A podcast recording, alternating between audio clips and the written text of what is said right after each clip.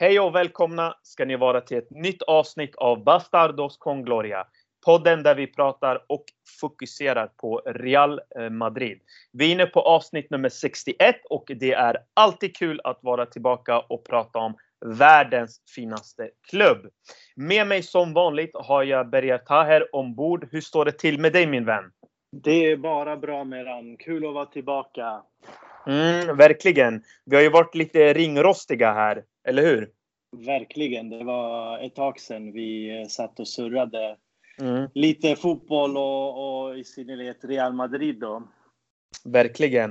Eh, nu är det ju internationella uppehållet och det är ju som bekant väldigt tråkigt så att det här är ju perfekt för lyssnarna eh, att ta in helt enkelt.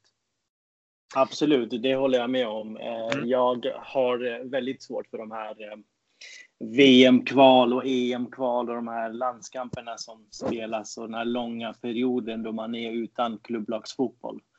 Verkligen. Så att, eh, jag, eh, det är nästan som om jag tappar bort någonting och går mm. runt i huset och vet inte riktigt vad jag ska göra. När det väl blir eh, lördag, söndag eller tisdag, onsdag kvällar då man nu för tiden vant sig även vid Champions League-fotbollen också. Mm. Eh, sen har inte jag riktigt koll på om det är någon spännande landskamper faktiskt. Jag vet ju att det är eh, Sverige som ska spela och, och, och, hur vi ligger till, men för övrigt så ja, eh, jag vet inte om det är någon stormöten som ska mm. vara nu precis under uppehållet. Ja, jag vet faktiskt inte. Eh, för mig har ju det mest intressanta redan hänt, Berger, och det är ju att Raheem Sterling och Joe Gomez rök ihop. Det, det, det, har ju, det har ju varit det mest intressanta som har hänt ju på väldigt, väldigt länge. Men jag kan tänka mig att England, där kommer det bli intressant hur de eh, tar hela den här situationen som händer. Eh, och nu ska de ju spela en, eh, två matcher, är det väl tänkt. Så att eh, kan vara intressant att följa dem. Eh, annars som du säger, Sverige mot Rumänien. Viktig match. Ja. Ja. Eh, 25 år sedan man stötte på varandra i en väldigt eh, viktig match där och då som Sverige eh, vann. Och nu får man ju hoppas att eh, man gör det igen. Ja. Och, den, och den matchen kommer jag ihåg om vi pratar VM 94 faktiskt. Mm. Eh, så det är extra liksom, känsligt för mig att se det där. Eh, att Sverige drabbas samman med, med Rumänien och det är ytterligare en, liksom, en viktig, viktig sådan match som det var då också. Jag minns frisparken eh, och varianten där Brolin trycker upp den i krysset också. Så att, eh, mm. ja, den, får, den får man se igen tycker jag innan, eh, innan matchen för att, för att, för att, för att ladda. Mm, absolut. Och eh, mina vänner, eh, gästen för det här avsnittet är ju ingen annan än den som hade din plats förut, Bergar. Och det är ju Marcos Riveros. Hur står det till med dig? Tjena! Det är bara bra. Tack mm. som frågar. Kul att, vara, att jag får vara med här. Mm. Eh, det har kliat lite i fingrarna nu på sistone. Men eh, jävligt kul att vara tillbaka här med grabbar. Och Bergar har gjort ett toppenjobb tycker jag, måste jag mm. säga. Mm. Kul att ha dig tillbaka, Marcus. Jag har faktiskt värmt stolen åt dig under tiden du har varit borta. Så att, eh, se, till, se till när du är redo. absolut, absolut. Du är Solari, jag är Zidane, eller? ah, där vet jag inte riktigt. Oj, oj, oj. Nej, jag bara skojar. Jag bara skojar. Alla inte. Du är grym, du är grym. Vi ska inte börja så här tidigt, va? Ja, men det här är ju perfekt start på podden. Det här är ju lite som eh, Joe Gomez mot Sterling. Eh, men jag är inte Southgate. Jag är mer Mourinho. Ja, men, men få inte oss att sjunka så lågt som eh, Sterling och okay. Joe Gomez här. Okej, okay, jag lovar. För att Marcus var precis inne på Zidane. Det är mm. en helt annan nivå. Oj, ah, så att uh, vi, får, vi, får, uh, vi får hålla oss uh, mm. i lite högre höjder. Ja, men Mourinho, det, det passar ju. Ja, och, exakt. Och apropå Mourinho, vad tycker du om eh, Guardiolas eh, fina eh, ja, eh, mm. beteende eller gestikulatur, vad ska jag säga? Mm. Mm.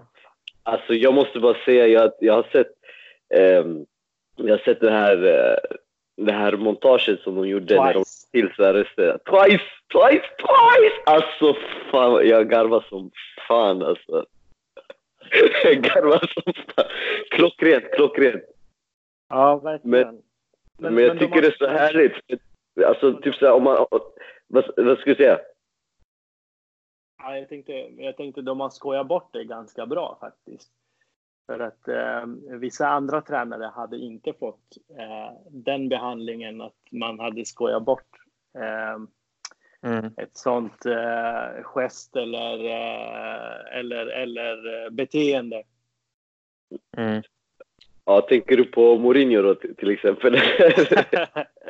ja, jag, jag pikar lite för att hade, hade det varit José Mourinho som hade gjort de sakerna så tror jag att eh, han hade fått betala väldigt högt pris för det. Och, eh, mm. med tanke på hur matchen gick och eh, hur, hur, hur, han avslutade med, med liksom skaka hand med domarna och, och, och liksom visa klart och tydligt att eh, han inte var nöjd.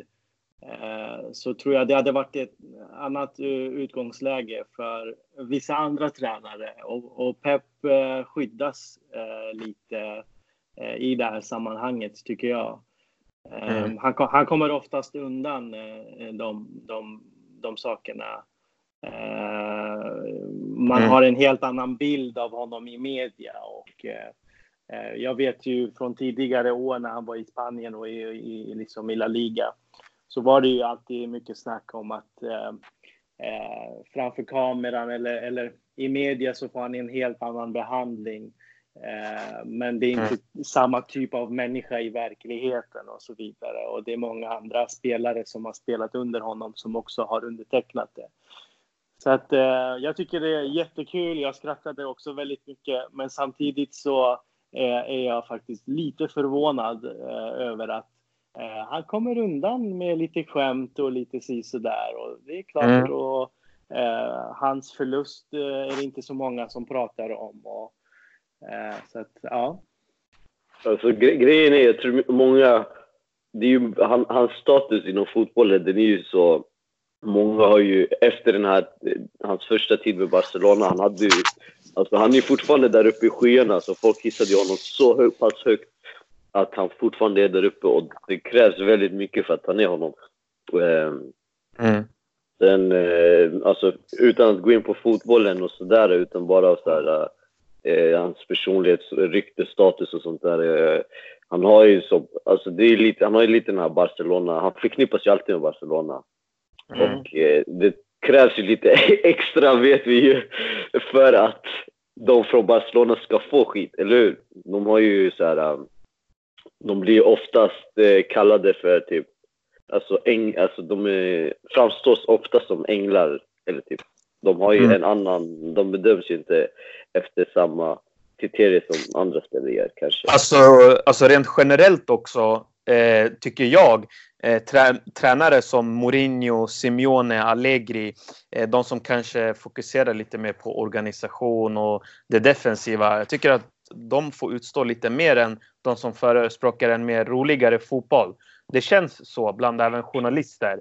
Eh, nu, nu har jag inget underlag på det, men det är bara min känsla. Eh, många tränare som har bollinnehav som fokus, eh, de kommer undan med vissa saker som en defensiv tränare aldrig skulle komma undan med. Men, vad, vad, tror, vad tror du det beror på då? Om jag får ställa en fråga till dig herr programledare.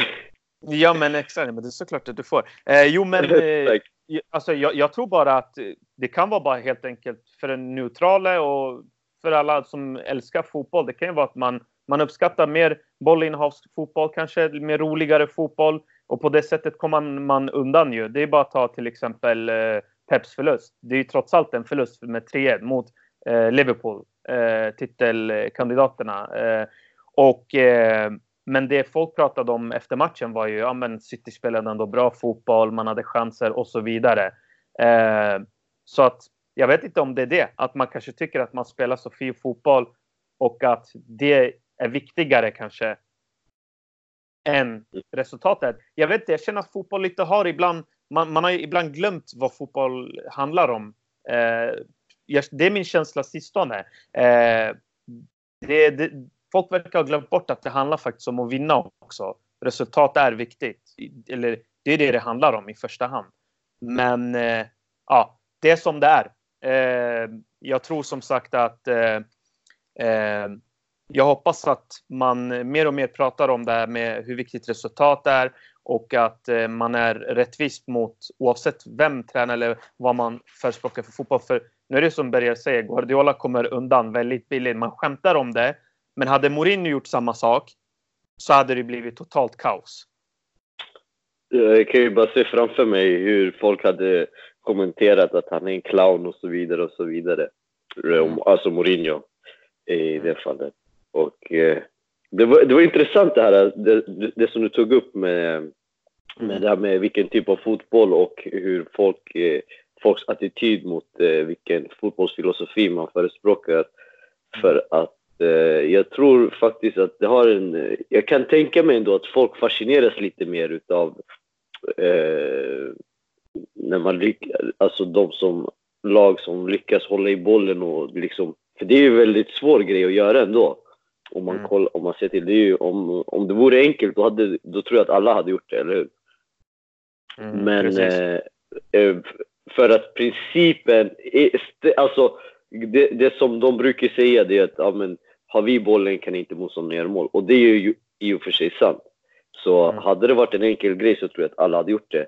Men sen finns det ju, finns det ju andra aspekter som, som man måste se till för att om man ska få det att fungera. Och Absolut. en av de aspekterna är till exempel att eh, hur många miljarder var, spenderade han på ytterbackar inför förra säsongen? Var det sex eller tre? Eller hur, hur var det nu? Jag tror tre miljarder. Ja. Jag tappar räkningen efter hans alla... så till exempel, det, det är ju en aspekt, att man behöver väldigt skickliga spelare. Utan det räcker inte bara att ha en fin filosofi, utan du behöver rätt spelare också. Mm. Men eh, det, det, var fakt, det är faktiskt en intressant grej som mm. tar upp. Jag tror också att det har, folk kanske ser upp till det. Så, ja, men han har lyckats Precis. göra någonting som är jättesvårt och det är jättefint. Och så här. För att eh, sen, sen så sa också om man tänker så här, vad, vad, eh, om man går in på lite större fråga som du ändå berörde lite grann, det här med vad fotboll handlar om. Mm. Och eh, där fotboll handlar, alltså vinner du matcher så spelar du fler matcher och du är bättre lag och liksom går vidare och sådär.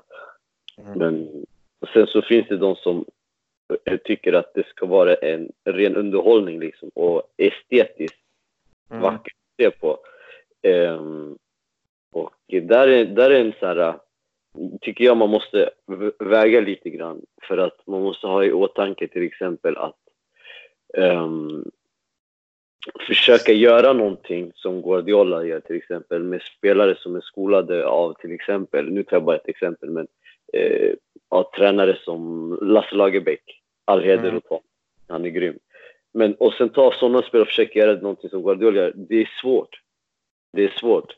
Verkligen. Så att, eh, så att eh, om man vill typ göra det effektivt och, och både och lyckas med det som Guardiola försöker göra, då tror jag ändå att man måste ha, ha sådana spelare som, har, som är uppfostrade med den filosofin. Vilket han hade då i Barcelona. Och det är därför jag tror att han har det väldigt svårt när, i Bayern München och i City. Eller okej, okay. kan man säga att han har haft det svårt i City? Förra året körde han över eh, mm. hela Premier League ändå. Men när han stöter på, vad heter, nu i år har de det svårare och när han stöter på Klopp så blir det oftast mangel. Ja. Så, att, eh, så det är någonting där. Men det är en, det är en intressant fråga. Jag vet inte om du, hur mycket tid ni vill lägga på det egentligen. Jag, jag tycker bara att oavsett vilken typ av fotboll man spelar, oavsett mm. hur det ser ut, så ska ju de här tränarna ses på samma sätt. Precis. Eh, det, ska inte vara det ska inte vara skillnad mellan att Simeone håller i skrevet och alla skriver om det på Twitter. Alla tycker det är ett dåligt beteende. Liksom, många attackerade eh, liksom hans eh, gest som han gjorde där mot eh, Juve i, i Champions League. Eh, mm. Men eh, eh, Mourinho sparkar vattenflaskor och förlorar och det blir en jättestor grej. Liksom. Men mm när Guardiola gör det här, hade han vunnit matchen, då hade han kommit undan helt 100 procent. Men nu mm. förlorade han. Det här med hans fotboll, om den funkar eller inte funkar, nu förlorade han. Han låg under med 2-0 innan första kvarten. Så att, mm. eh, ja, man kan förespråka väldigt mycket om hans eh, fotboll och, och, filosofi, men nu är han inne på fjärde året. Eh, fjärde året i Barca gick inte alls som han hade tänkt sig. Fjärde året i Bayern München, blev det något fjärde år i Bayern München? Jag tror inte det blev något fjärde år i Bayern München. Va? Nej, det blev nog Nej, precis. Och nu är det fjärde året i City och man brukar säga att första året, då bygger han ju alltid upp om man inte har ett färdigt lag som han fick i Barca då. Uh, och uh, andra året, då, då sitter ju allting och då liksom kör han ju över hela ligan och, uh, och, och, och, så vidare. Och, och mm. Mest inhemskt då. inte haft lika stora framgångar ute i, i Europa. Uh, och sen det, det, det, tredje och fjärde året, det är då det, bör, det börjar avta lite grann. Liksom, spelarna börjar tycka att uh, de blir lite mer bekväma och känner att men, det här klarar vi. Och, och, och, han själv också, efter att ha tagit 100 poäng före säsongen, känner att men, det räcker med att jag varvar Joao Cancelo som en, uh, en reserv för mina ytterbackar och jag behöver inte förstärka någon mer. I och för sig så vet jag inte om om, om han behöver förstärka mer än vad han har gjort i City, om det går att förstärka det laget mm. Eh, med, med fler spelare eller med fler köp. Men eh, oftast så börjar det avta lite grann och eh, den eh, känslan får jag nu av eh, Man City. Mm. att han är på väg ner. Och tillbaks till ämnet. Jag tycker fortfarande att det är jättekul. Många skojar bort det eh, rubrikerna som han får är inte på samma sätt som, om, som när Mourinho gör en sån grej eller som Simeone gör en sån grej eller ta Gattuso till exempel och så vidare. Så att, eh, ja. Eh, Men... Eh, mm. fortfarande förälskad i den här Barca-fotbollen som han hade med Messi, Xavi, Iniesta där allting bara klickade och han hade liksom de bästa spelarna i världen eh, och är kvar där. Och man tror fortfarande att Pep eh, liksom är på samma nivå som på den tiden. Men eh, jag, jag, dömer ju självklart eh, inhemskt och han är eh, engelsk eh, mästare eller Premier League-mästare. Men jag saknar den här eh, stora eh, vinsten med ett annat lag och inte bara ett stort bygge eh, som Barca, Bayern eller City är. City var redan Premier Leagues bästa lag när han tog över och så vidare. Bayern var redan Bundesligas bästa lag. Barca var redan liksom ett, av, ett av de två bästa lagen i, i La Liga. Jag hade gärna velat se honom lyfta, ett lag som Napoli, som Liverpool, som Klopp gör nu. Han har gjort det med Dortmund, han gör det med Liverpool. Liksom. Eh, och han har inte alls värvat de här jätte, jättestora stjärnorna. Eh, han har, Guardiola har haft Messi i Barca. Klopp hade ingen Messi, så han gjorde Mohamed Salah till Messi istället. Liksom, lite så. Jag, jag, jag vill ju verkligen se eh, den delen eh, utav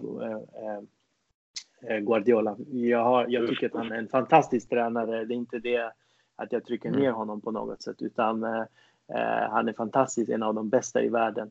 Men jag, jag vill ju verkligen se att han också får samma behandling av media som alla andra runt omkring honom. Och jag vill gärna se hans filosofi funka eh, i ett annat lag som inte är så dominant i ligan redan. Men mm. för, jag tror faktiskt inte att du kommer få se det någonsin eftersom att hans fotboll går ut på att ha väldigt tekniska spelare. Alltså tekniskt skickliga och smarta spelare. Och mm. då måste man ju, det är ju, det är ju i stort sett de bästa spelarna. Eh, om man jämför med till exempel Klopps fotboll som är lite mer fysisk. Eh, där till exempel en spelare som San, eh, Mané får briljera som du tog upp. Eh, visst, Mané är en fantastisk spelare, han hade säkert briljerat i vilket lag som helst.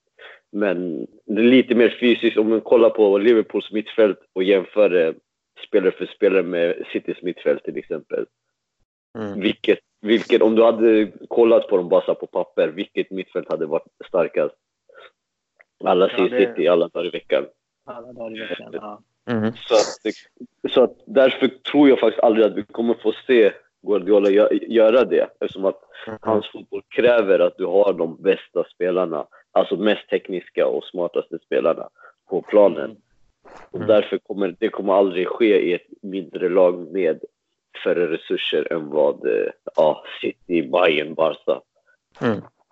Nej men absolut, alltså, jag, jag, är med på båda vad ni säger. Eh, Guardiolas tränargärning är fantastisk. Jag njuter verkligen eh, av matcherna jag ibland ser med City. Eh, men som sagt, poängen här är att eh, alla tränare i alla fall ska vara lika inför eh, journalisternas skriverier och eh, hur man eh, framför eh, något som han gjorde.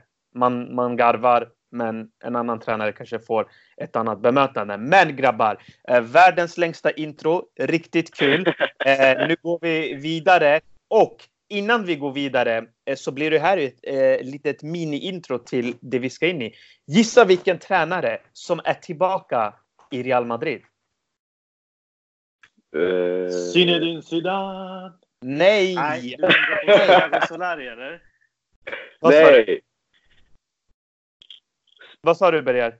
Tänker du på Santiago Solari som, är, eh, som har fått en, liksom, en roll i, i, i klubben nu?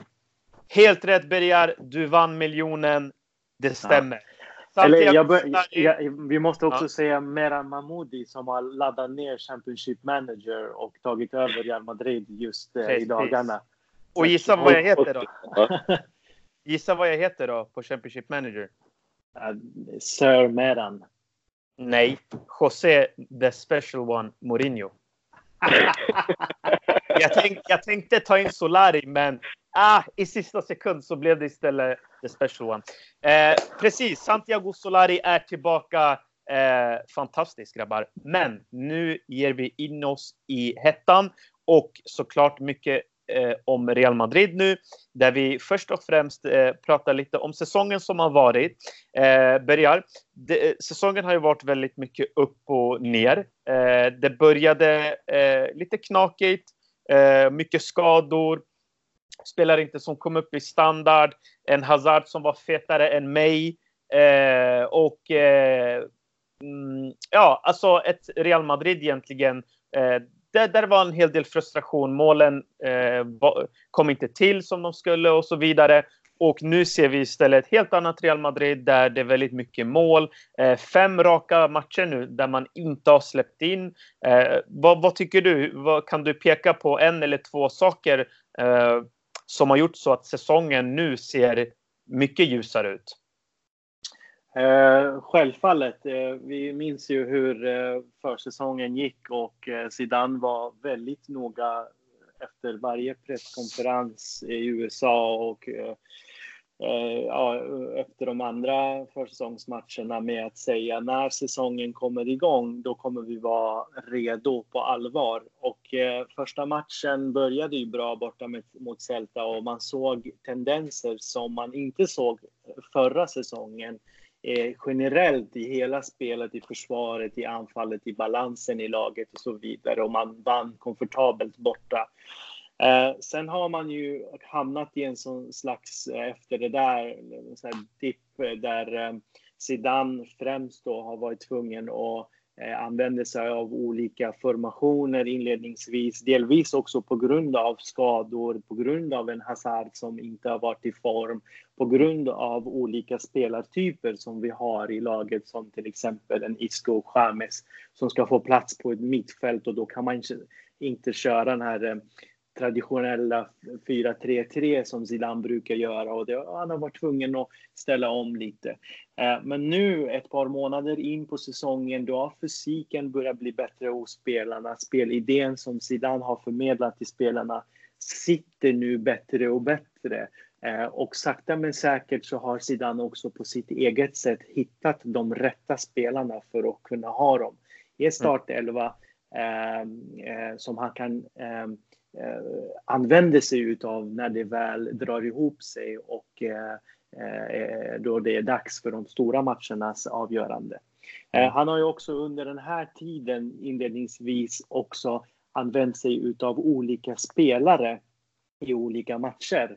Eh, men nu på sistone så har han varit lite mer stabil i sin elva och det är fortfarande samma fyrbackslinje. Han ändrar inte om det inte är på grund av skador. Det är fortfarande samma mittfält. Han försöker inte ändras för mycket ifall det inte är på grund av skador eller någon som behöver verkligen vila.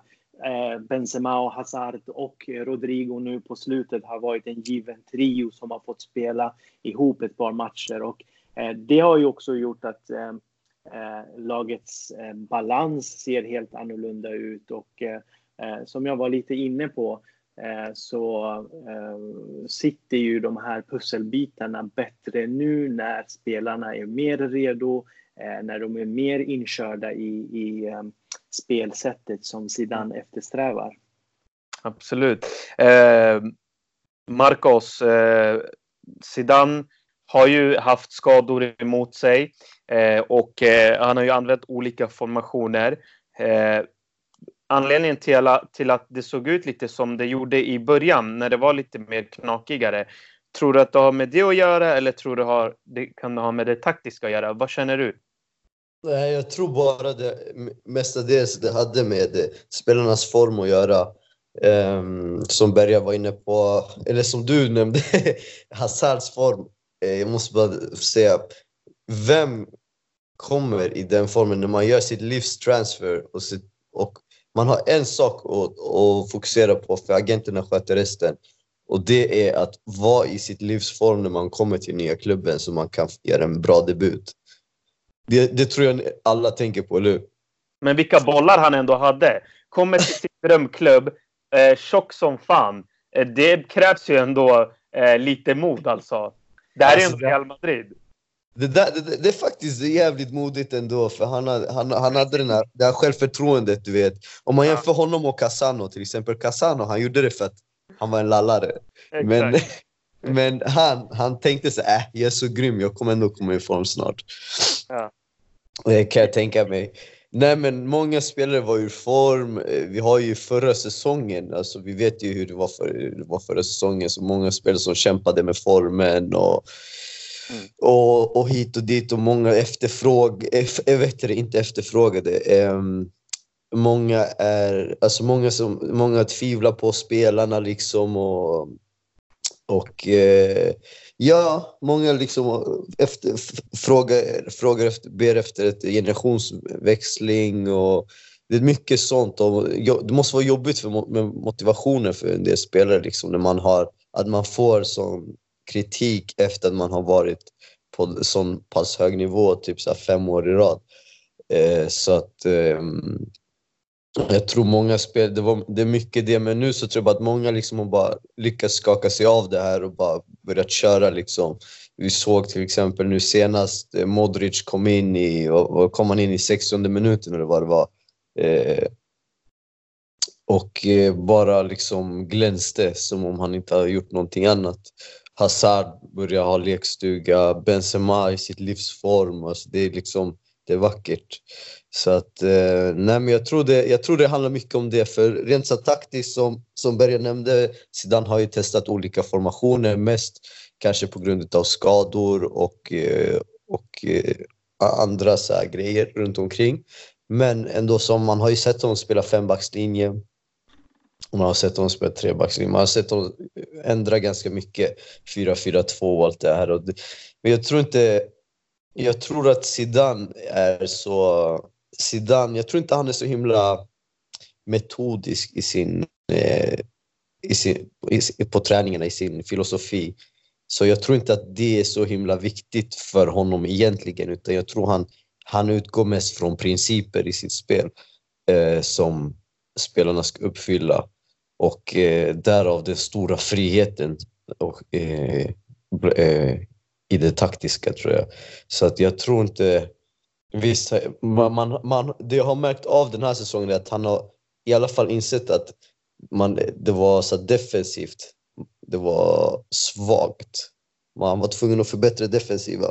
Mm. Så att eh, man har sett att han har lagt mycket mer krut på det defensiva och eh, ja, så att, mm. eh, men eh, förutom det så vet inte riktigt om han har ändrat mycket, så mycket mer.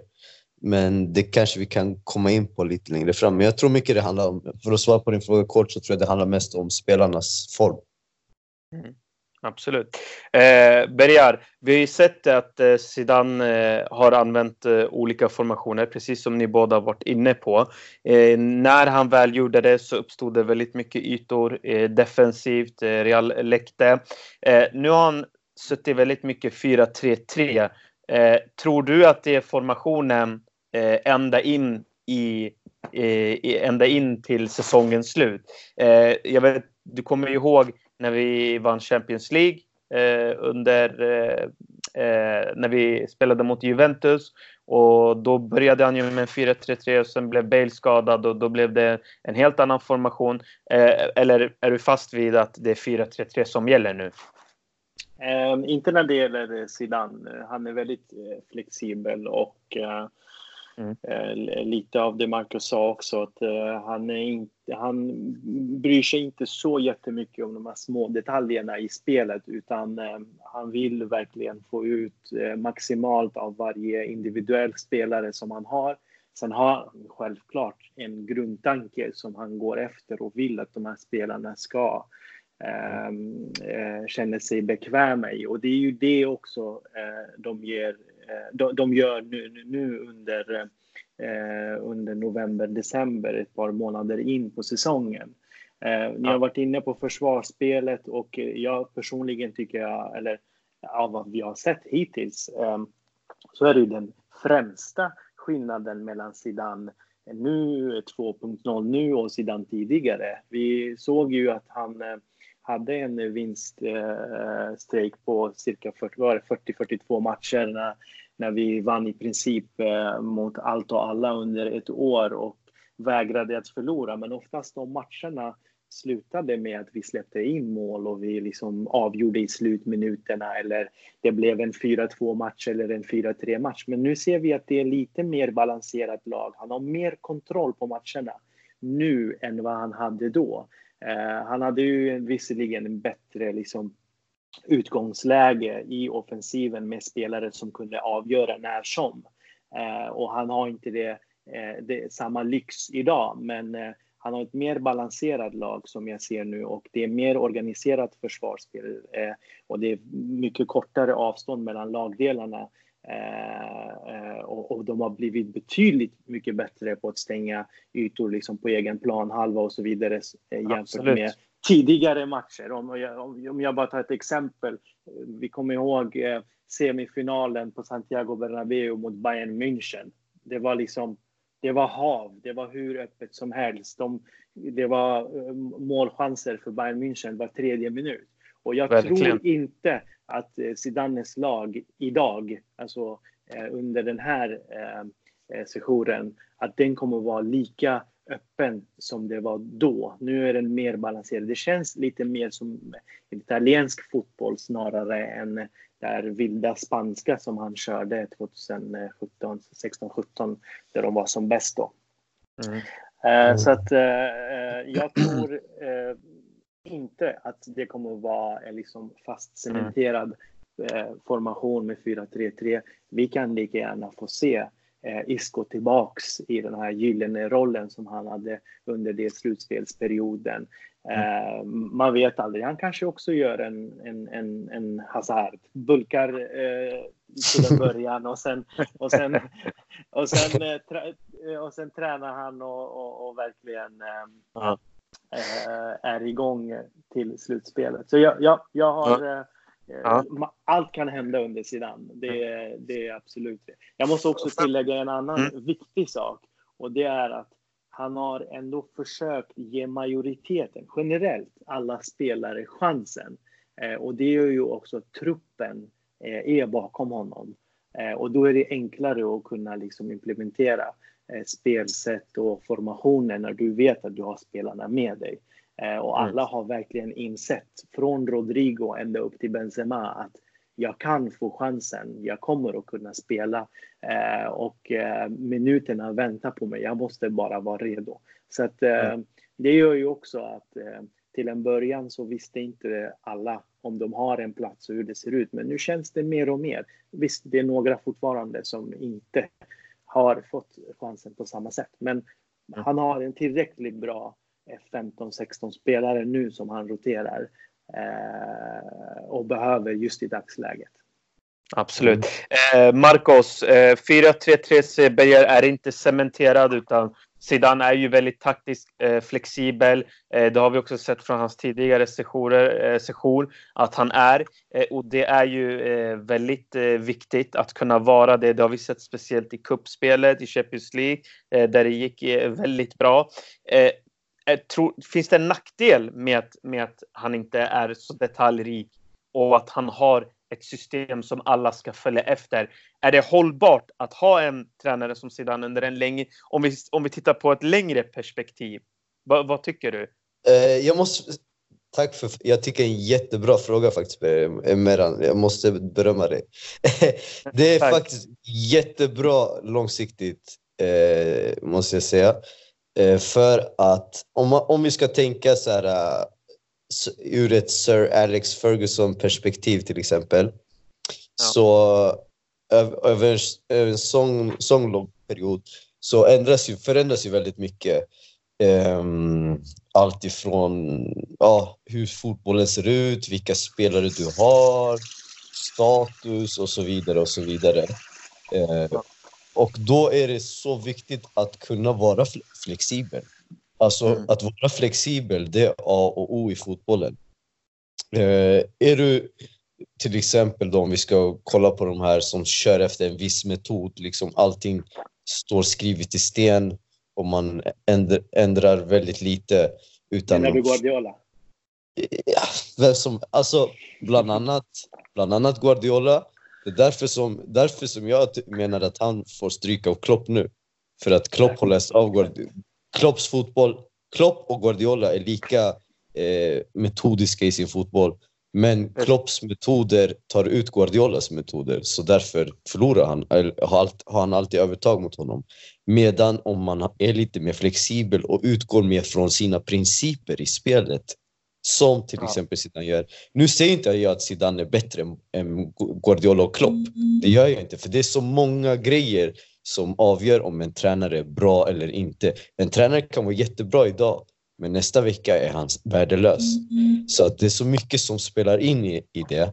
Men i, i, stora, alltså i stora drag, att vara flexibel inom fotbollen, det är A och O. Det spelar ingen roll på vilken nivå du om det är ungdomsfotboll, om det är korpen, om det är division 5, 6, 7, 2, 3, allsvenskan eller Champions League. Är du flexibel har, har, du, har du dina, som, eh, som Berger sa, att han vill få in sitt tänk. Och när i, alltså att alla spelare ska få in hur han tänker, hur, hur han vill att laget ska spela. Och det kallar jag för principer i spelet. Mm. Och det kan vara så enkel grej som att till exempel när vi har bollen så ska, så ska vi fylla ut den så här stor del av planen. Och, det här, och, så, och så här försvarar vi. Och sen så spelar inte det någon roll hur, alltså hur man ställer om. Sen spelar inte det någon roll hur formationen är. Utan det är samma, samma, samma sak som ska göras. Men när vi kör 4-3-3 då kanske skillnaden är att, att eh, hur vissa spelare agerar i vissa roller. Men det är samma principer. Ja. Så man utgår ja. hela tiden från samma principer. Men sen så anpassar man det bara efter den utvalda formationen. Så att, mm. att vara så flexibel som Zidane är, det kan bara gynna honom. Sen måste han bara eh, ja, kanske ha lite andra saker att jobba på. Ja. Ja, men grabbar, ni, nu måste jag ge er beröm. Ni, ni lyfter ju eh, det fram väldigt bra vad, vad det är som gör Zidane så stark som tränare. Eh, och eh, det vill man ju se fortsätta för att eh, jag kan ibland själv känna att uh, man ser inte någon, något system, eh, man, man, ser inga metoder och man blir lite less. Ibland ser det ut som att bara vad gör de egentligen på plan? Men ni har ju rätt. Det handlar ju mycket också om att kunna vara ändå flexibel och se matchbilden för vad den är och lyfta fram eh, potentialen och styrkorna hos eh, varje individ och få det mesta ur dem. Och Zidane har ju motbevisat eh, många så kallade experter där ute. Eh, grabbar, eh, innan vi går vidare, bara en... Får jag, eh, får jag bara flika in bara mm. snabbt också? Absolut. Eh, bara för att liksom förstärka det Marcus var inne på också. Ett bra exempel är säsongen då han vann dubben. Han kunde lika gärna spela med ett B-lag, alltså med Lucas Vasquez, Asensio, Morata och de här som han hade och media kallade för B-lag. Men eftersom de visste precis vad hans principer var så kunde han forma elva nya spelare tre dagar senare efter, efter en Champions League-match och spela en liga, liga, ligamatch precis på samma sätt, om inte bättre. Eh, för att.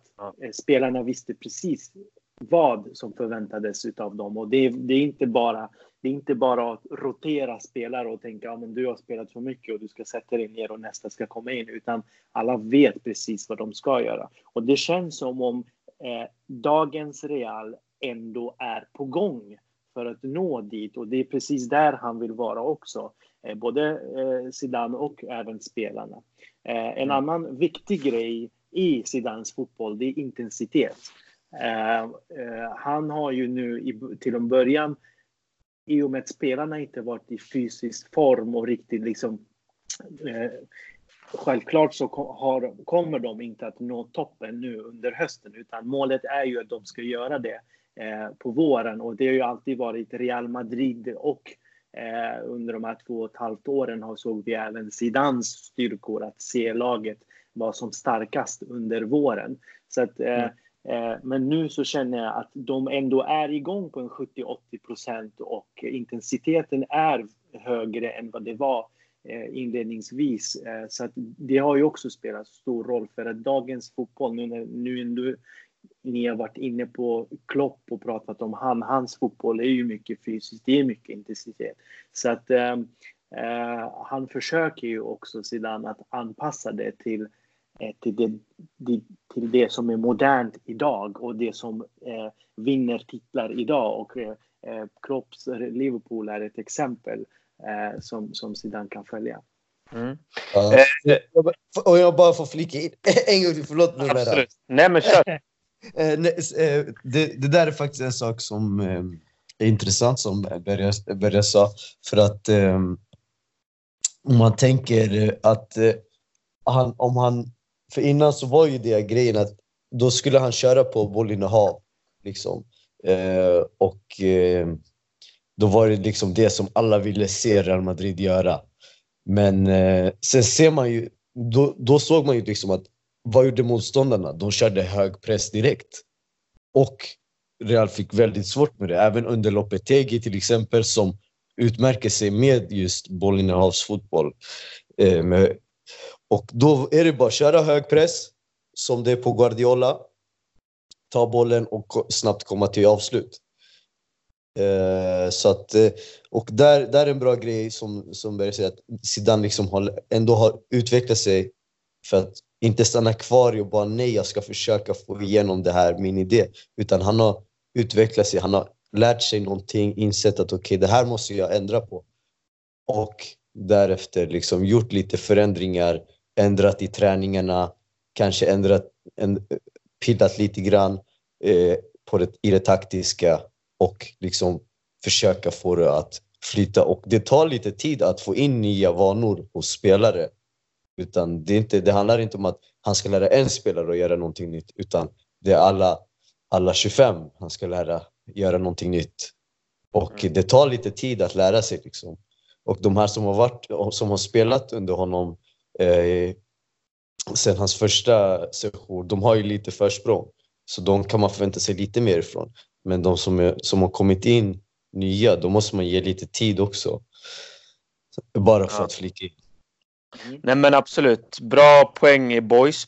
Eh, och eh, kort svar nu på den här frågan. Eh, vi kan börja med dig Marcos, eh, så vi kan gå vidare. Vi har andra intressanta saker såklart att ta upp. Eh, vad är minimum för dig för att Zidane ska få fortsätta? Vad måste han vinna? Mm, minsta han ska vinna. Alltså det ser ändå ganska bra ut i ligan. Eller ganska, alltså det ser bra ut i ligan tycker jag. Så tar han hem ligan då får han självklart fortsätta. Um, Ja, det. Copa del Rey, det ska vi inte snacka om. Det är, ing, det är ingenting. det, är, det är ingenting. Bara vi inte möter, Lega, bara vi inte möter Bergars favoritmotstånd Leganes. Bergar, vad, Bergar, vad säger du? Minimum för att Zidane ska få stanna kvar? Ehm, jag eh, kräver inte någon eh, jättetitel i år. Ehm, för att Nej jag tänker delvis också, eh, man ser ju redan tendenser på det nu. Han försöker eh, samtidigt som han får igång de här äldre legenderna och äldre spelarna i laget som Benzema, Ramos, Modric och company eh, så försöker han ändå göra en liten generationsskifte sakta men säkert med att få in Valverde, få in en fot av Rodrigo i elvan. Liksom. Vinicius, liksom Mondi. Det finns ju så många som han ändå försöker att eh, ge så mycket speltid till. Så att, eh, jag tycker att vi, borde, vi bör ha tålamod med Zidane om vi vill att, eh, att det ska gå bra för Real långsiktigt. Eh, mm. Så att eh, för mig är det självklart inte jag accepterar inte att Real ska ligga 15, 16, 17, 18 poäng efter Barca i, i ligan och åka ut redan i kvarten mot ett lag som mm. var fantastiska förra året. Men ett, ett, ett, lag som Ajax, som Real normalt ska slå, som Real slog i första eh, eh matchen Mötet. på bortaplan. Mm. Eh, så att, eh, och gå även längre i, i Copa del Rey, precis som förra säsongen när de var i i semi och mötte Barca. Så att man vill ju ha laget eh, vara mer, eh, alltså vad säger man, att, att de är med och tävlar ända in i sista. Eh, sen om det blir en titel på köpet så är det bara plus. Eh, eller två eller tre. Man vet aldrig med Zinedine Zidane grabbar. Eh, han, kan li- han kan lika gärna sluta med en CL-titel till. Eh, han har ju aldrig åkt ut Champions League, glöm inte bort det.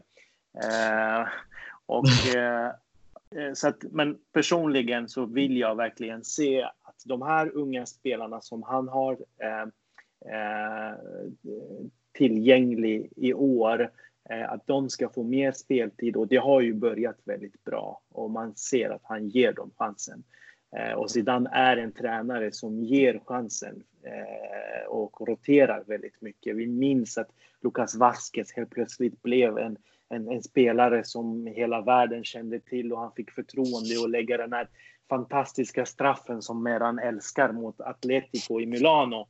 Eh, vi kommer ihåg hur Asensio bara kunde avgöra match eh, på Allianz Arena borta mot Bayern München och hur han bara tryckte in eh, långskott efter långskott mot storlag och så vidare. Och han är snart ihåg... tillbaka.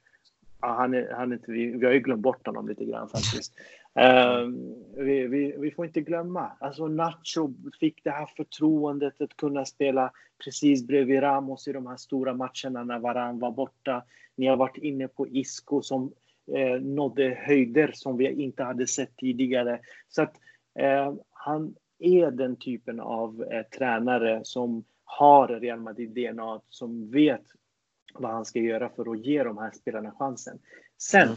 vet jag också Eh, att Zidane är ganska principsäker, eh, princip, ehm, vad säger man? Fast. Fast, precis. Eh, han ger ju de här unga chansen. Han gav Rodrigo chansen borta mot Galatasaray. Han tog den och då får han fortsatt förtroende. Så man måste också kunna tacka, tacka emot och ta det här förtroendet som Zidane ger. Eh, Odriozola får förtroende borta mot Mallorca. Vad gör han? Han får ett rött kort i 70 minuten då Real var som bäst inne i matchen. Och sen dess har vi inte sett honom i truppen och inte ens i, i på bänken. Så att de måste verkligen kunna ta chansen när de verkligen eh, får den också. För att han kommer Absolut. att ge dem de möjligheterna. Mm. Eh, för mig så, så, så, så tycker jag att ligan bör vinnas av Real Madrid. Med anledning jag tycker att Barca är så svaga under Valverde. Eh, jag har aldrig rankat Valverde, det har jag inte gjort från dag ett sedan han kom till klubben. Eh, och eh, jag tror att Real Madrid har en väldigt fin chans nu att vinna ligan. Men för att han ska få sparken så ska det krävas ändå att, som, som du är inne på Berger, då ska det vara många poäng efter Barca och det ska bara totalt fallera. Så att, men jag hoppas på att ligan, ligan, den, den, den måste komma hem till Madrid. Och eh, en sak som jag tycker man ska tänka på också, så här, eller jag hoppas att ledningen tänker på, det är liksom mm. att man ska inte sparka för att sparka, utan man ska bara sparka om man har ett bättre alternativ. Och eh, ja, liksom finns det inte någon där som jag, jag avskyr, det känns så amatörmässigt att se liksom ett lag som Real Madrid stå utan tränare och bara spekulera som Pochettino, Klopp eh, och alltså Mourinho. Mourinho. Och vad heter han? Eh, ja, den här tysken. Liksom alla tränare bara spekulerar så det går flera veckor utan att man har någon tränare. Det känns så himla B om jag ska vara helt ärlig. Så liksom väljer man att eh, sparka Zidane, då ska det vara för att man har en, en annan, en annan man ah, ja. som man vill ersätta honom med. Och där, där, är, där är ju risken liksom till exempel om man väljer vilken väg man väljer att gå. Om man skulle ta in en till exempel en tränare som eh, Klopp. Eh, visst, det kanske skulle ge titlar på kort sikt. Men hur skulle det se ut om sju år när fotbollen förändras? När folk har lärt sig att motarbeta hans typ av fotboll. Ska man byta tränare igen då? Så att... Mm. Eh, så att, eh, nej, så att jag tycker att det, det, är en, eh, det är en grej som man måste ha i åtanke innan man skriker sparka sidan, sparka sidan. Absolut. Eh, grabbar, vi går vidare eh, och eh, vi ska ta lite lyssnarfrågor också och lite smått och gott. Eh, ni behöver inga längre svar. vi, vi försöker hålla det kort. Vi håller det kan... kort. ja, eller hur? ni två är experter på det. Ja. Eh, Berga, du och jag pratade om det här idag. Eh, vi har fått en fråga här. Hört att Ronaldo tänker komma tillbaka till Real Madrid. Eh, finns det någon chans att han kommer tillbaka? Vad säger du? Han är välkommen. Han är välkommen. Det, det Helt hans, rätt. Och, och media måste... Hem, ja. och det är den enda klubben som är större än honom. Ja, precis. Helt rätt. Eh, media måste sluta sprida falska rykten. Han, han har varit skadad, knäskadad, eh, haft känningar i en hel månad. Så det var anledningen till att han gick av. Eh, jag tror inte att Ronaldo är över. Jag tror han har fortfarande kvar det i sig. Eh, och eh, som du säger Berger, han är mer än välkommen tillbaka. Marcos? Nej. Nej jag, jag, jag håller med grabbar. Han är en grym spelare som bara blir bättre. Och eh, att han har en liten dipp. Snälla vad han haft. Han har haft typ han har, hur lång karriär har han, har han inte haft? 15 år. 15 år och hur många, och hur många av de säsongerna har han varit på topp? Alla. Alla, förutom kanske han hade en dipp eh, typ när han, när han kom tillbaka efter sin knäskada efter EM-finalen. Eh, så att det liksom, vi snackar om en spelare som haft en monsterkarriär som få kommer kunna matcha. Och eh, att han har, att han, om han är lite off ett par månader, han förtjänar fan det. Och om inte de vill ha honom i Juventus, då är han välkommen tillbaka till Real. Mm. Absolut. Ja, det, det Eller AIK. Eh, vi har under så många år, så många år har vi sett Ronaldo eh, tappa formen lite här och där under hösten och sen kommer ja, resten, känner, resten av den historien känner alla till. Eh, så att eh, jag tror att eh, han kommer att avsluta den här säsongen bra. Ehm, jag tror däremot att det kommer att vara stora spekulationer efter den här säsongen om inte Juventus vinner Champions League.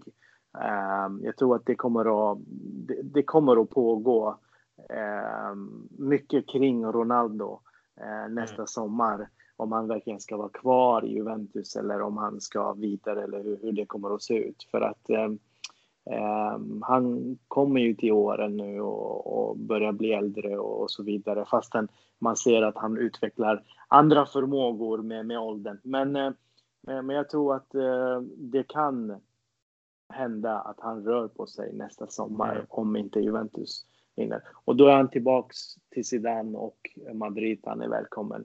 Eh, han, kommer, han kan få sitta och vara Benzemas eh, eh, reserv ifall han behöver vila någon gång. Då menar du att Jovic inte håller eller? Jovic är kung. Folk som, inte, folk som pratar skit om Jovic, de vet ingenting. Han är grym. Han kommer igång. Jovic har tiden kvar. Han Exakt. Eh, Marcos, eh, frågan yes. till dig då. Eh, från en av våra lyssnare. Eh, om Mbappé kommer till Real Madrid, kan det förstöra för Rodrigo och Vinicius? Mm, nu måste jag tänka lite. Ja, om man inte får... Alltså... De, om man inte det, spelar nia? Nia? Ja, men hur ska man spela då? Liksom, ja, han kan säg, ju spela säg, nia. Benzema, Benzema har två år kvar. Tre ja, max? Alltså, han skulle ju mycket väl kunna spela nia. Jag tror han är tillräckligt intelligent för att göra det också. Mm. Men eh, jag tror att han är bäst på en kant. Tror jag faktiskt. Där man får ut det, det, det mesta av hans styrkor. Och eh, ja, nej, jag tror, jag tror det, det finns en stor, stor risk att det skulle bli liksom... Men jag tycker bara det är en bra grej. Det vore en bra grej.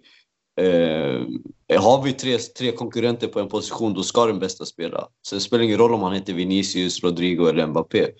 Eh, det är bara en bra grej. Och det vore bara bra för Real också.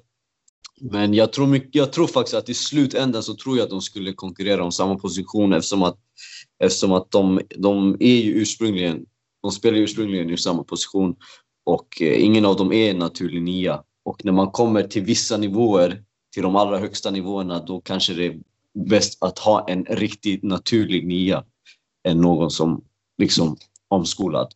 Tänker jag. Speciellt i, i, i Real Madrid som oftast brukar dominera mera. Och då, är det bet, då passar en nia som Benzema till exempel in bättre än vad någon som Mbappé kanske är. Eller mm. Vinicius eller Rodrigo. Bergar, Rodrigo är eh, högerytter nu då och Vinicius är på vänster tillsammans med Hazard. Så säg att Mbappé inte kanske förstör allt för mycket för Vinicius eller Hazard. Eh, och skulle han spela nia, låt oss säga att Benzema eh, är på väg mot slutet om två år och man värvar kanske Mbappé nästa säsong eller säsongen efter det. Men då har vi också Jovic. Hur tror du det blir för Jovic och Rodrigo om Mbappé kommer? Nej, jag, jag tycker det är Real Madrid.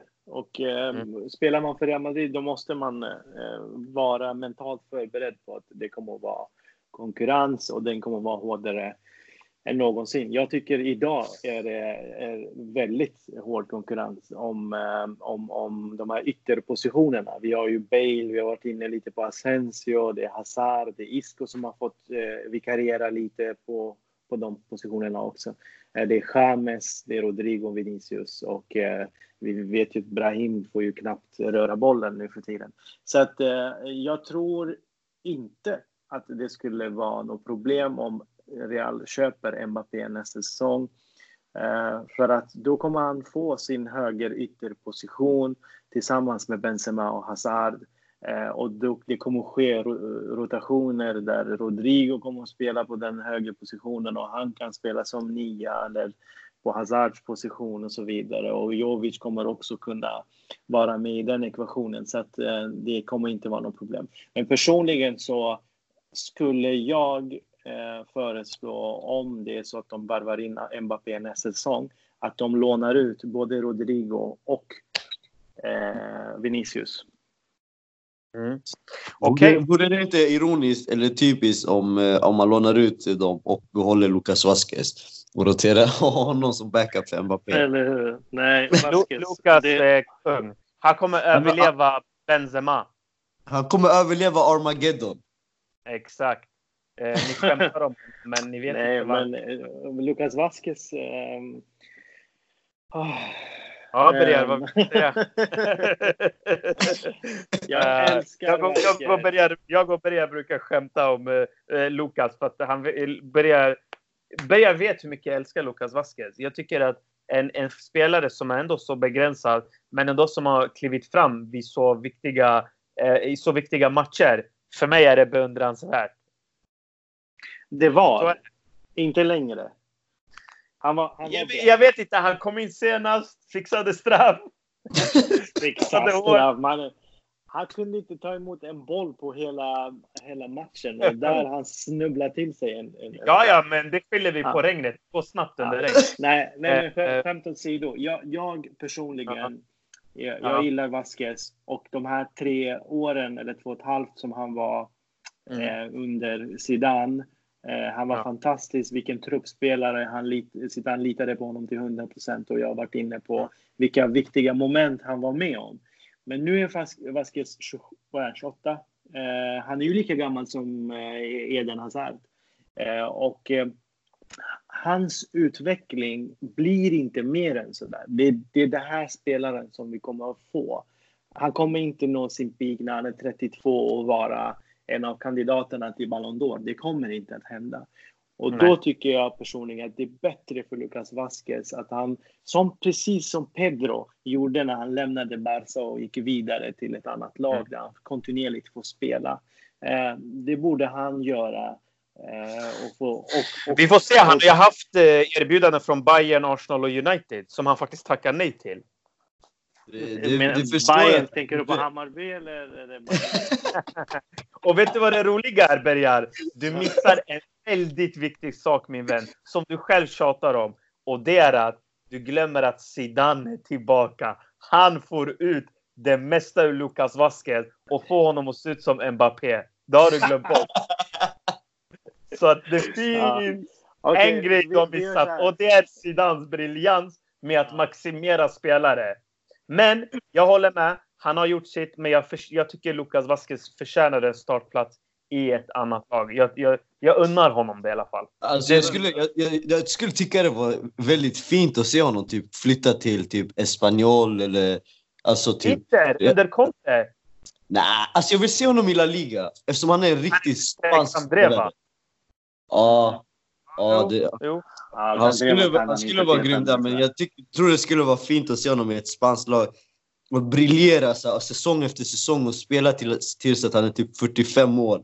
Som typ Joaquin i Real Betis. Alltså ja. avsluta sin karriär sådär. Han förtjänar det efter allt. Eller så blir han nya Raúl Tamudo, Barca-dödaren. Och så vill Bergar att vi värvar tillbaka Vasquez efter några år. Vilken story! Okej okay, grabbar. Uh, vidare från Lucas Vasquez, uh, geniet. Uh, jag skojar inte, lyssnare, om ni tror det. Uh, så här då. en, mm. en, fråga som vi har fått i massor av och som jag också sett på sociala medier som diskuteras väldigt mycket. det är Casemiro. Eh, jag tycker personligen att Casemiro har eh, varit eh, världens bästa defensiva mittfältare i år. Jag har sett väldigt många matcher både från City och Liverpool. Fabinho är mäktig. Det är även Fernandinho i sina stunder. Men jag tycker Casemiro är verkligen eh, snäppet lite över dem faktiskt. Just i, i, år så tycker jag det. Och även tidigare fast han har haft lite svackor här och där. Men eh, frågan är då, det många undrar är, vad händer om Casemiro går sönder? Och ska vi hämta in någon ersättare till Casemiro på bänken? Eller ska vi hitta någon som kan konkurrera med honom? Hur ser ni på den här situationen? Tycker ni att man ska ta in en, kanske en, en Sonzi som sitter på bänken, hämta han från Galatasaray för en billig peng och som kan lasta av Casemiro? Eller vill ni att man hämtar in en mer etablerad, kanske en framtids eh, stjärna eller någon som till exempel Rocca i, i Espanyol? Eller hur ser ni på, på den biten? Eh, om vi börjar med, med dig, Bergar, vad, vad tycker du? Eh, personligen så... Jag, inte, jag tänker inte vad händer om han går sönder. För att okay. vad händer om Messi går sönder? Vad händer om eh, Salah går sönder? Vad händer? Alltså, man kan ju spekulera så mycket och, och eh, Ehm, jag vet att vi inte har en riktigt defensiv mittfältare, en ankare som Casimiro i laget. Men vi har också sett prov på att Valverde kan vara där och vikariera. Så att eh, jag tror att eh, Valverde kanske inte kan fylla skorna helt och hållet, men han kan vara där och vikariera under den tiden Casemiro är borta, under den tiden Casemiro behöver vila och så vidare. Sen ser jag nu, jag har börjat inse, Casemiro är i sitt livsform. Han är i sina bästa dagar och bästa veckor, bästa månader och bästa år. Han mm. ska spela match in, match ut och för mig så känns det som om han kan bara bli bättre och bättre och det finns inget stopp här. Så att eh, mm. jag skulle jättegärna vilja ha en annan central mittfältare tillgänglig i laget.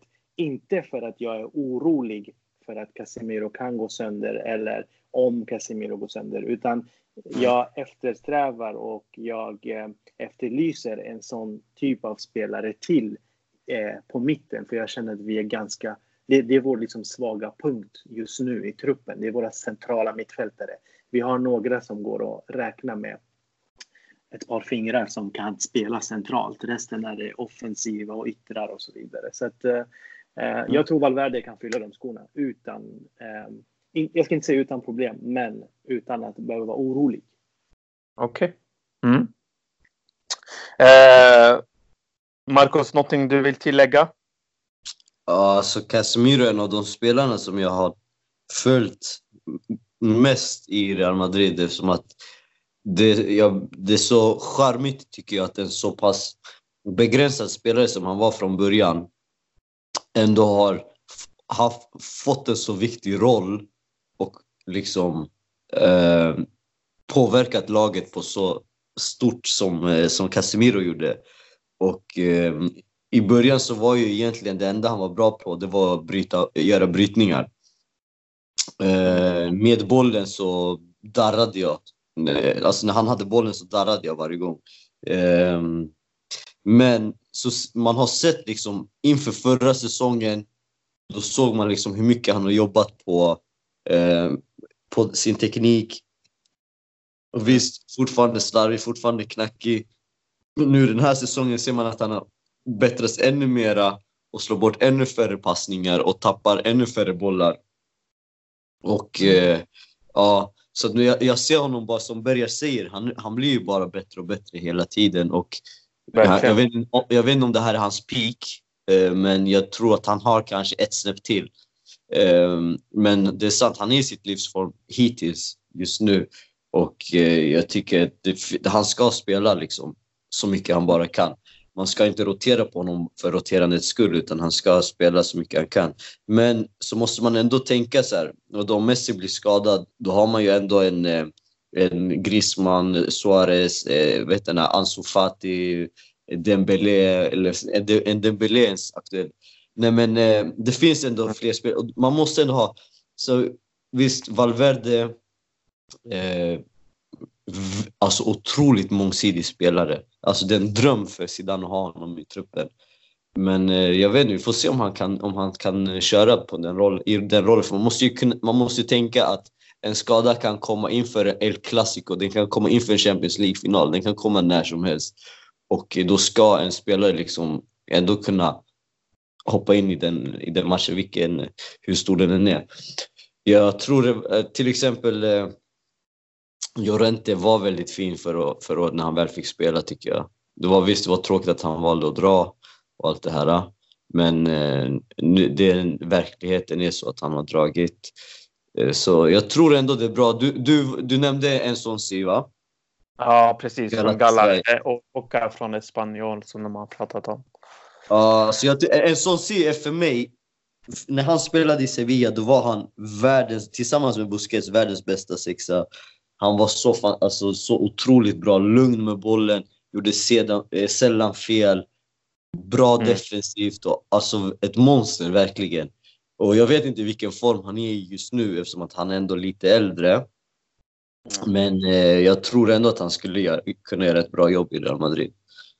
Och, fr och frågan, är, och frågan är en sån spelare som en sån Si ska komma till Real Madrid och sitta och vänta tills Casemiro blir skadad för att kunna få spela.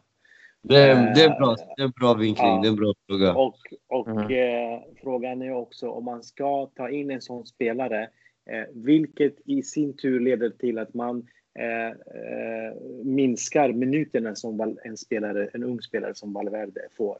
Mm. Så att eh, det är ju en, det är en, en sak man måste överväga eh, och eh, just nu Absolut. är Valverde en spelare som under Zidane främst Eh, och Casimiro under sidan främst växer oerhört mycket. Han får så mycket förtroende.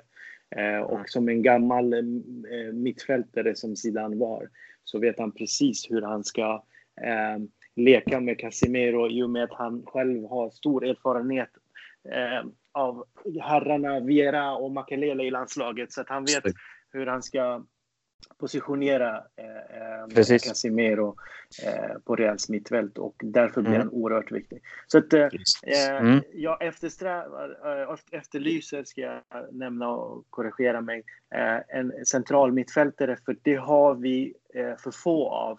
Eh, men däremot så ska, det, ska det, den personen inte köpas in eller lånas in för att den ska konkurrera med Casemiro. Casemiro behöver inte den konkurrensen.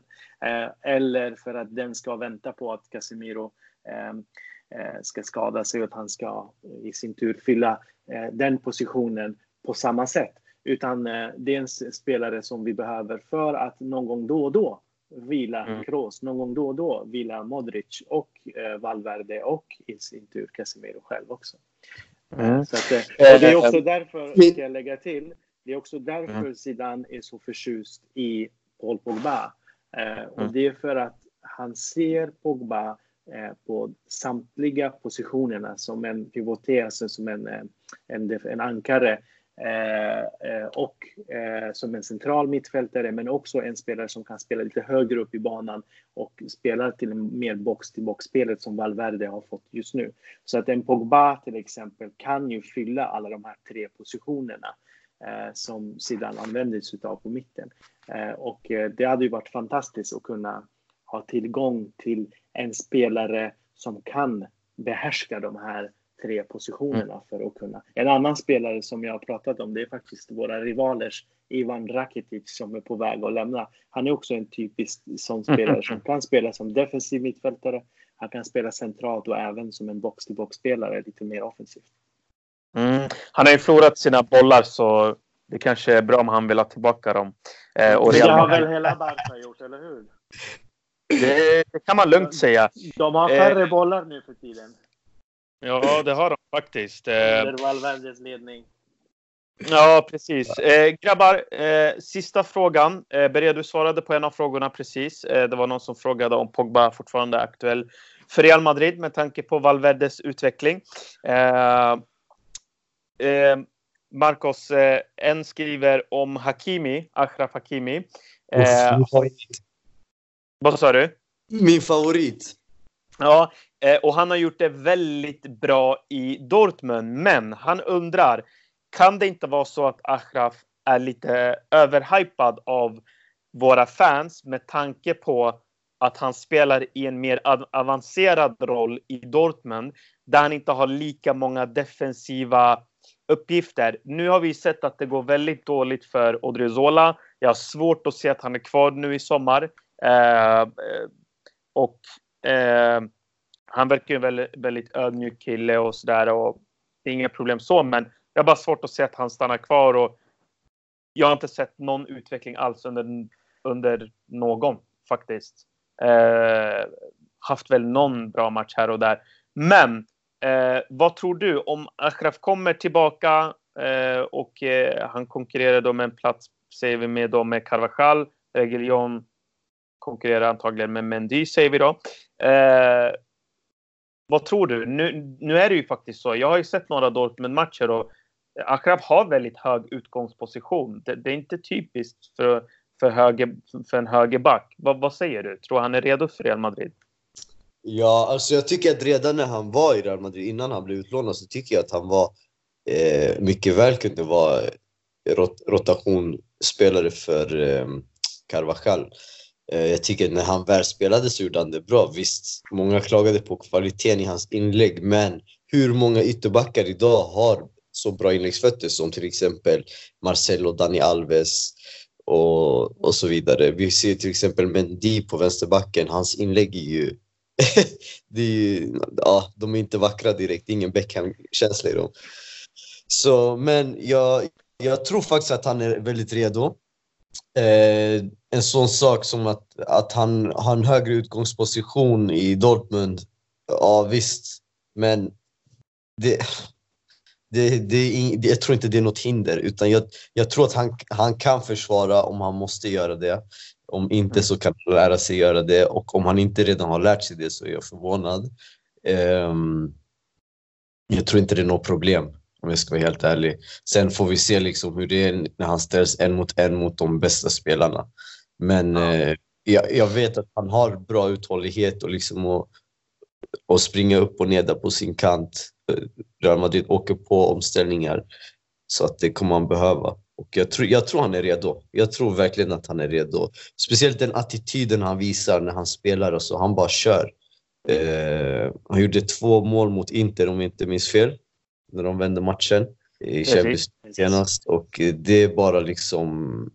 Det, det är fantastiskt. Det är sånt man vill se. Och det är därför man har spelare som Casemiro som vi pratade om innan. Så att spelare som Ashraf ska kunna göra det de är bäst på.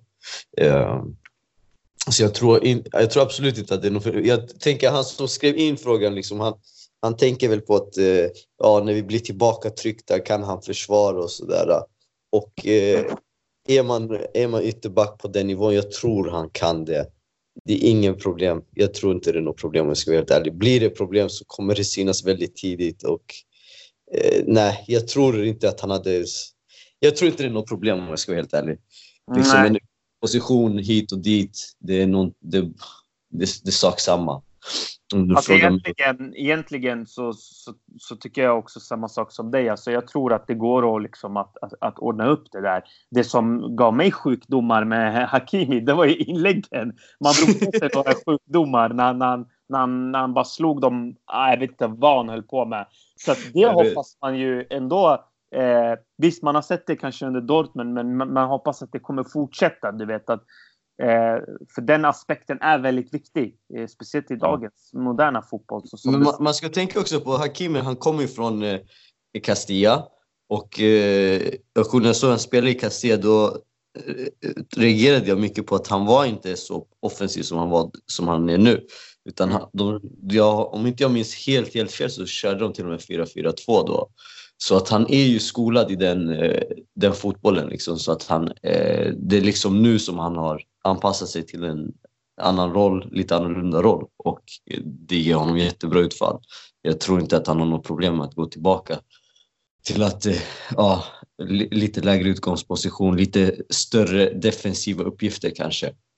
Jag tror inte det är något, tror inte det är något problem. Eh, samma sak gäller Reglon. Alltså ja, de två, de kommer ju bara... Ytterbackspositionen är deras framtid. Inget snack om saken. Mm. Absolut. Eh, Berja, du ska inte få svara på den frågan utan du ska få avsluta med, eh, med katten som blev tigern. Eh, Karim Benzema, några sista ord innan vi avslutar. Vad, vad säger du om hans säsong hittills? Majestätiskt. Uh, jag uh, ser Karim Benzema... Väntat på den. Kör. Jag ser Karim Benzema som höstens spelare i, ja. i La Liga hittills. Ja. Uh, han har ju varit målskytt i sju av tolv ligamatcher. Det är flest av alla spelare i La Liga. Uh, han ska vi också tillägga, inte den spelaren som oftast brukar göra den här tredje och fjärde och femte målet, utan han är oftast den som öppnar eh, Eh, gör öppningsmålet i matchen och han har gjort det eh, sex gånger utav de här nio målen han har gjort i La Liga. Eh, så ja, tillsammans med Messi har de flest inplockade poäng, alltså med mål och assist. Han, har, han har faktiskt och är den spelaren som har plockat in flest poäng till sitt lag. Så att hans mål har betytt poäng. Som sagt, och det jag var inne på. Inte alls bara Ehm, en sån anfallare som snyggar till sina siffror när laget redan leder med 2-3-0 mot, mot krislag och, och, så vidare. Utan han har verkligen eh, varit jämn och balanserad. Sen ska jag också lägga till en ännu viktigare grej. Inte bara att han levererar eh, på en, liksom, en väldigt hög nivå just nu. Eh, han är också en ledare på plan för de här yngre spelarna. Man ser honom hela tiden. Ehm, Visa, man ser honom hela tiden prata, man ser honom hela tiden eh, att vägleda Mandi, Rodrigo, Vinicius, Valverde och så vidare. Så han är där som en ledare också. Eh, och eh, det tycker jag är helt fantastiskt och det är det som gör mig mest eh, liksom känslosam. Jag, jag tycker ju om Benzema och äntligen eh, nu när Ronaldo inte är där så har han klivit ur den här skuggan som han var i. Eh, och eh, han syns verkligen till och man får se hans eh, kvaliteter. Eh, som jag då har sett tidigare också, men eh, man ser det ganska tydligt. Publiken ser det ganska tydligt nu. Ja. Och med mm. de orden grabbar eh, så får jag tacka för er medverkan. Det var riktigt kul att ha med er båda två. Marcos, tack för att du joinade oss. Tack så mycket för att jag fick vara med grabbar. Det var jättekul att vara tillbaka. Härligt. Och du är också tillbaka i vår redaktion så förhoppningsvis får vi också se dig när du skriver också. Det är några som har eh, efterfrågat det. Ja, uh, lite ringrostig på den fronten, men det är väldigt kul. Det kommer tillbaka, tro mig. Inga konstigheter. uh, Bergar, tack för att du också var med, precis som vanligt. Tack Meran. Ehm, jag vill att du också eh, tackar Luka Modric som eh, precis vann eh, Golden Foot Award. En spelare ja. som har vunnit de mesta individuella priserna under Cristiano och Messis tid. Det tycker jag är väldigt stort. Ehm, och Verkligen. Han förtjänar, han förtjänar all respekt. Verkligen. Vi får också ge applåder till Thibaut Courtois som är målvakten som har varit kritiserad men som nu har flest nollor i hela Europa när det gäller klubb och landslag. Eh, mm. Så mest hållna nollor eh, och det är väldigt positivt och jag tycker att eh, precis som du är jätteduktig på Meran, du är jätteduktig på att kritisera men du är också jätteduktig på att höja när det väl går bra för, för, för de spelarna och människorna som du har kritiserat. Eh, så att eh, vi måste verkligen höja eh, målvaktsinsatsen nu på sistone också. Verkligen. Nej, men det, det, det är så. Alltså, jag tycker det där är väldigt viktigt att ta upp. Att när man väl kritiserar, så ett, så ska man göra det med konstruktiv kritik. Det är nummer ett. Eh, som många har svårt med i dagens eh, värld. Men det många också har svårt med, det är när man har favoriter och så kan man inte kritisera dem. Eh, eller, eller spelare som man kanske inte tycker om. Alla spelare faller inte en i smaken. Jag har haft svårt med Karim Benzema, men jag måste lik förbannat erkänna, jag tycker han är en av världens bästa nior, om inte den bästa. All, all respekt till Lewandowski som har gjort 16 mål på, vad är det, jag vet inte vad. Fyra matcher. ja, men eller hur, typ. Demolerat hela Bundesliga, men jag tycker det Karim Benzema har gjort är mer på en avancerad nivå. Han är involverad i spelet, by, by, eh, bygger upp trianglar med sina medspelare, skapar ytor, eh, ser spelet, vägleder Mendy. Eh, man trodde att Mendys tränare inte var Zidane utan det var Benzema. Eh, det, veckan innan var det någon annan. Så att Benzema ska hyllas. Och även Courtois som jag också tyckte har sett väldigt svag ut. Eh, helt rätt. Det är så här han ska se ut. Det, här var, det var ju så han såg ut i Atletico Madrid där han var så fantastisk. Sen kom han till Chelsea, var bra i början. Sen åkte han på en stor skada och därifrån har det bara gått ut för. Så det är väldigt skönt att han också är tillbaka. Verkligen. Yes sir. Jag måste bara instämma grabbar. Om, om någon som lyssnar ens kommer ihåg vem jag är så vet ni hur mycket jag har avskytt Benzema tidigare. Ja. Men i år när jag ser honom, jag ser, jag ser, om ni frågar mig, han har blivit världens bästa anfallare just nu. Ja. Ja. Um, det, det, måste jag erkänna. Det, och jag blir så glad för han är så fantastisk. Han har allt som en anfallare ska ha. Han är komplett. Verkligen. 100 procent.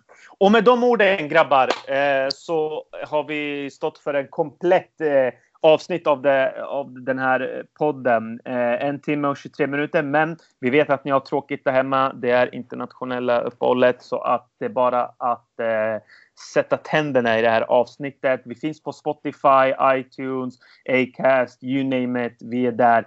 Tack för att ni lyssnar. Adios mina vänner.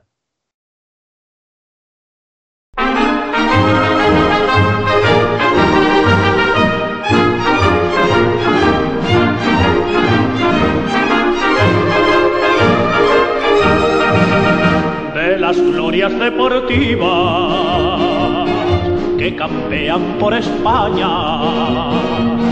Va el Madrid con su bandera, limpia y blanca que no empaña. Club castizo y generoso, todo nervio y corazón.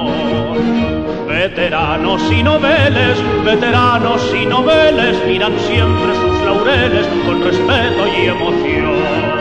A la Madrid, a la Madrid, noble y bélico Adalid, caballero del honor. A la Madrid, a la Madrid, a triunfar en buena lid, defendiendo tu color. A la Madrid, a la Madrid, a la Madrid. A la Madrid, a la Madrid. No te Guadalí, caballero del